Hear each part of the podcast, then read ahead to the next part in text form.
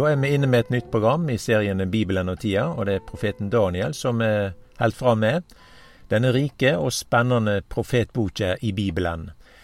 Det er i kapittel sju eh, at denne Daniel skildrer fire dyr. Det er ei løva, en bjørn, leoparden, og så er det da det fjerde dyret som får litt mer omtale. Og disse dyrene her, det har med konger, med riker, og det samsvarer også med det som vi har med ifra kapittel to hjå Daniel. Da er det draumen til Nebukaneser som blir omtalt. Vi skal lese den omtalen som dette dyret her får, Eh, det fjerde dyret, kapittel sju av vers sju, hjå Daniel.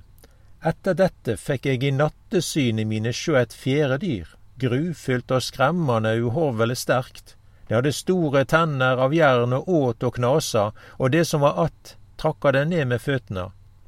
Det var annerledes enn alle de dyrene som var før det, og det hadde ti horn. Jeg akta vel på horna, da fikk jeg sjå eit anna lite horn som skjøt opp mellom dei, og tre av dei første horna vart rykte opp for å gi rom for det. Og sjå, dette horn hadde auge liksom jo menneske, og en munn som taler store ord. Og her leser vi om et rike, og i dette riket så trer det fram en leder, og lederen vert omtalt da som et horn. Og hornet hadde både auge og munn liksom jo et menneske, og munnen taler store ord. Og dette med horn i Bibelen, det har jo noe med makt å gjøre, og auge for visdom. Og det er tydelig da at eh, det ikke har noe med Jesus å gjøre. For, eh, men vi ligger jo merke til at Jesus har jo òg en omtale som kan likne på dette. Jeg leser fra Johannes' åpenbaring 5, vers 6. Og sjå, Midt imellom tronen og de fire livsvesenene og de eldste sto det et lam, som liksom hadde vært slakta. Det hadde sju horn og sju auge, og det er de sju Guds ånder som er sende ut over hele jorda. Og med det første inntrykket her så kan jo ting virke litt sånn underlig, omtale da, men det er ingen tvil om at lammet, som her blir omtalt i Åpenbaringen fem, det er Jesus. Og det står at lammet hadde sju horn og sju øyne, og det betyr at Jesus har all makt. Han er jo omtalt som den allmektige. Og sjutallet i Bibelen er jo et veldig sentralt tall, da, og det er tallet for det fullkomne. Jesus har det, det fullkomne eh, makten, da. Vi kan si det enkelt på den måten at Jesus kan ikke sammenlignes med noen. Ingen er som Jesus. Og når det vært sagt her at han hadde sju auge, så betyr det at ingenting er skjult for Jesus. Vi kan jo lese ifra hebreerbrevet, det samsvarer bibelordet her da, med de ting vi har her i Åpenbaringen fem. Og ingen skapning er løgn for han, alt ligger nake og bært for hans auge, som vi skal gjøre regnskap for. Så vi ser at dette hornet her i Daniel 7, da er på mange måter ei etterligning av Jesus. Og det er typisk det som er det falske. Det, det som er falskt, det er noe som ligger nært opp til det som er det ekte. Det har òg med falske Messiaser å gjøre. Vi leser jo om djevelen at han vil gjøre seg lik Gud. Og det er jo dette som blir omtalt i profeten Jesajas boke, 14 og vers 13 der. Det var du som sa i ditt hjerte, til himlene vil jeg stige opp, høgt over Guds stjerner vil jeg reise truna mi. Jeg tek sete på Tingfjellet lengst i nord, jeg vil stige opp over skytoppene, Jeg vil gjøre meg lik den høgste. Så vi leser at djevelen ville gjøre seg lik Gud, og det er jo òg det som ble sagt av slangen i Edens hage. Dette er antikristen sin strategi, da han vil gjøre seg lik Jesus. Han vil tre fram som Jesus.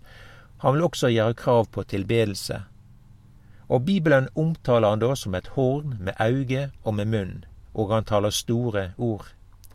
Jeg tror det er viktig å være klar over det, og jeg synes at det som her blir skildra, det er noe som da sikter fram mot endetida, og da er det med at vi må være vakne for det som her er nevnt. Vi blir gjort merksomme på mange saker og ting. Vi ser at det er mange store allianser. Sånn er det i dag. Det blir gjort avtaler på tvers av landegrenser og nasjoner, og Det er avtaler for klima og miljø, og det er EU-regler som gjelder mange land, sjøl om en er en del av EU eller en ikke er da, så stilles det de samme krav. Det gjelder biler og veier osv. Det gjøres avtale om økonomi, militær makt og sikkerhet. Men det som eh, kommer fram her, da, det er at Gud er ikke til stades i disse rikene her. Det er ikke plass for Israels Gud. Vi kan òg lese at dette hornet som kommer fram her, det vil føre en krig mot Gud. Og det er en krig mot Bibelen. Det er en krig mot eh, Guds folk, mot Israel, Guds menighet. Det står i Daniel 7 vers 25 der, da. Han skal tale ord mot den høgste, og undertrykke dei heilage åt den høgste, og tenkje på å endre tider og lov. Han skal gjevast i, i hans hand for ei tid og tider og ei halv tid. Så her ser vi att noe da som kjenneteiknar djevelen og verden, Antikrist og alle hans etterfølgere, og det er at de bruker sine ressurser mot Gud. Det har vært mange protesttog mot Gud. Det er reist mange slagord mot Gud. Det er mange som ikke vil ha noe med Guds frelse, for eksempel. Det er mange som roper bort med Bibelens moral og etikk og holdninger og veivalg i hverdagen. Bibelen er det mange som sier på denne måten her at den har ikke noen plass i dagens samfunn. Trendene i dag, ja, det en ser at det er en aktiv forfølgelse mot Guds folk, og det er òg en forførelse. Og det står òg her i Salme 2, til dømes, vers 2, kongene på jorda reiser seg og fyrstene legg planer saman, mot Herren og mot den han har salva. Og det står også at lat oss sprenge dere bann og kaste dere reip av oss. Og vi kan òg legge merke til at den er antikrist, altså ja, de planene som blir lagt, og at den er en samla allianse sant, som reiser seg mot Herren, så endrer de også det som har med tider og lov. Og i andre bibeloversettinger så står det at, at de endrer de heilage tider og lov. Så kjem det da til uttrykk for at de tider og lover som blir endra, det har noe med Gud å gjøre. En vil endre det som har med søndagen, for eksempel, som hviledag. Og det er mange tegn som viser det at søndagen, den dagen som skulle være en annerledes dag enn alle de andre dagene, den dagen som skulle være for Gud og Guds hus, dagen med Guds ord og med samfunn med Gud og Guds folk, det blir endra til den store idrettsdagen.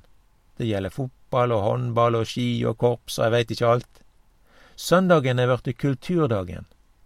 Det er ikke kirke og de kristne møtene som samler mennesker, men det er de store idrettsanleggene. Og de mest besøkte lokaliteter i julehøgtida til dømes, det er kinosalen. Den største arena som er i påskehøgtida, er på fjellet. Og det er ingen som sier noe mer om disse her søndagsåpne butikker osv. Jeg tror det, dette er noe som er usunt i samfunnet vårt i dag. Og vi ser da at det skjer ei endring i holdninger, i tanke. Og det er dette som vi her har lest. De endrer de heilage tidene og lov. Og på samme måte som det endrer tidene, så endrer en også det som har med lov å gjøre. Altså Guds lov, det er Guds ord. En endrer på det som har med frelsen å gjøre. De to veiene, utgangen fra livet. Og det som har med evigheten å gjøre. Det kan være spørsmål om tjenester, mann eller kvinne. Det blir òg stilt spørsmål i dag om en, ja, om mann eller kvinne. Dette her med kjønn, det er noe som en endrer på, og det får følge for heimen, og det å bygge en heim, og det å bygge et samfunn og en nasjon. Vi leser i Bibelen da at en blir skapt til mann og kvinne. I dag er det like naturlig som mann og kvinne som mann og mann, og kvinne og kvinne. Det skjer ei endring i samfunnet der en går bort for det som har med Bibelen å gjøre. Og i møte med trendene i dag så er det mange som sier at eh, Bibelen den er gammeldags, og den passer ikke inn i samfunnsstrukturen. Men det er Gud som har skapt oss, og det er Han som har gitt oss ordningene. Og nå sier da mennesket da at en veit så mye bedre sjøl, og det som er det beste for seg sjøl. Og da er det, det da vi har endra noe på det som er Ja, trendene har endra tider og lov, nett sånn som Bibelen skildrer det for oss. Vi kan lese et, en annen sammenheng her, og det er fra kapittel 11 i Daniels boke, Fra vers 36. Der står det på, omtalt på denne måten. Kongen skal gjøre som han vil. Han skal opphøye seg og heve seg over hver en gud, og mot Gudas gud taler han forferdelige ord. Han skal ha framgang til dess vreiden tek slutt. For det som er fastsett skal verta fullført. Guden som fedrene hans styrka, vørre han ikkje, heller ikkje den guden som kvinnehugen står til, eller nokon annan gud akter han på, for han skal opphøye seg over alle men i staden skal han æra borgguden. En gud som fedrene hans ikke kjende, den ærer han med gull og sølv, edelsteiner og andre dyre ting. Slik skal han gjøre i de sterkaste borgene med den framande guden. Og de som kjennest ved denne guden, skal han syne stor ære. Han skal sette dei til å råde over mange, og han deler ut jord til dei som lønn. I endetida skal kongen over landet i sør støyta sammen med han, og kongen over landet i nord skal storme fram med vogner og hestfolk og mange skip. Han skal falle inn i landet, overfløyme dei og fara videre. Han skal òg dra inn i det fagre landet. Mange skal falle. Men desse skal slippe unna handa hans, Edom, Moab og dei fremste av Ammons borna. Og det er Antikrist vi leser om her, da. Og her ser vi da de samme trekk og kjennetegn. Det har å gjøre med at jeg gjør som jeg vil. Og han vil gjøre seg stor, ja, større enn Gud. Han har ikke kvinners lyst, som det står i en annen bibelomsetning. Han vil reise til det fagre landet, og det er Israel. Det kan godt være at Antikrist er homofil, siden han ikke akter på kvinners lyst, sånn som det er skildra. Og det er veldig mye i det muslimske tanken når vi leser er at han deler ut jord til lønn. Vel, det er Bibelen som skildrer det for oss, og eh, endatida sine mange preg og trender. Vi leser om at eh, det skal verta som på Noas tid, eller i Lots dager. Og det som kjennetegna denne tida, var at mennesket levde uten Gud. En brydde seg ikke om Gud. En tok til ekte og gav til ekte. Vassflaumen den kom plutselig, og, og da var det for seint å tenke på Gud. I alle fall å gjøre noe mer ut av det. Det var for seint å høre på Noah, som var kalla for rettferdsforkynneren. Vassflaumen tok dei alle. Men les om Lott, jo Peter. Han sier det på denne måten her, det er fra andre Peters brev to. Han fridde ut den rettferdige Lott som vart plaga av dei skamlege framferda til dei lovlause. For den rettferdige som budde mellom dei, lei dag for dag pine i si rettferdige sjel ved dei lovlause gjerningane han såg og hørte. Og det som skjer i Sodoma, er at han har endra på tider og lov. Gud var ikkje til stades, og Lott var den som budde der, og sånn var hans hverdag, at han lei dag for dag, sin rettferdige sjel, med alt det som han så og hørte. Og det som vi ser her, det er dette hornet som veks fram, og det er det som skjer på verdensarenaen. Og, og, nå er det på en måte mange ting som ligger til rette for at denne antikristen skal kunne stå fram, og det er mange trekk i tida sånn, da.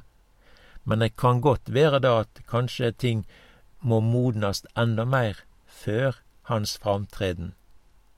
Men det salige håpet og det levende håpet, det handler ikke om å vente på en antikrist, men det er å vente på Han som sa at han ikke skulle drya.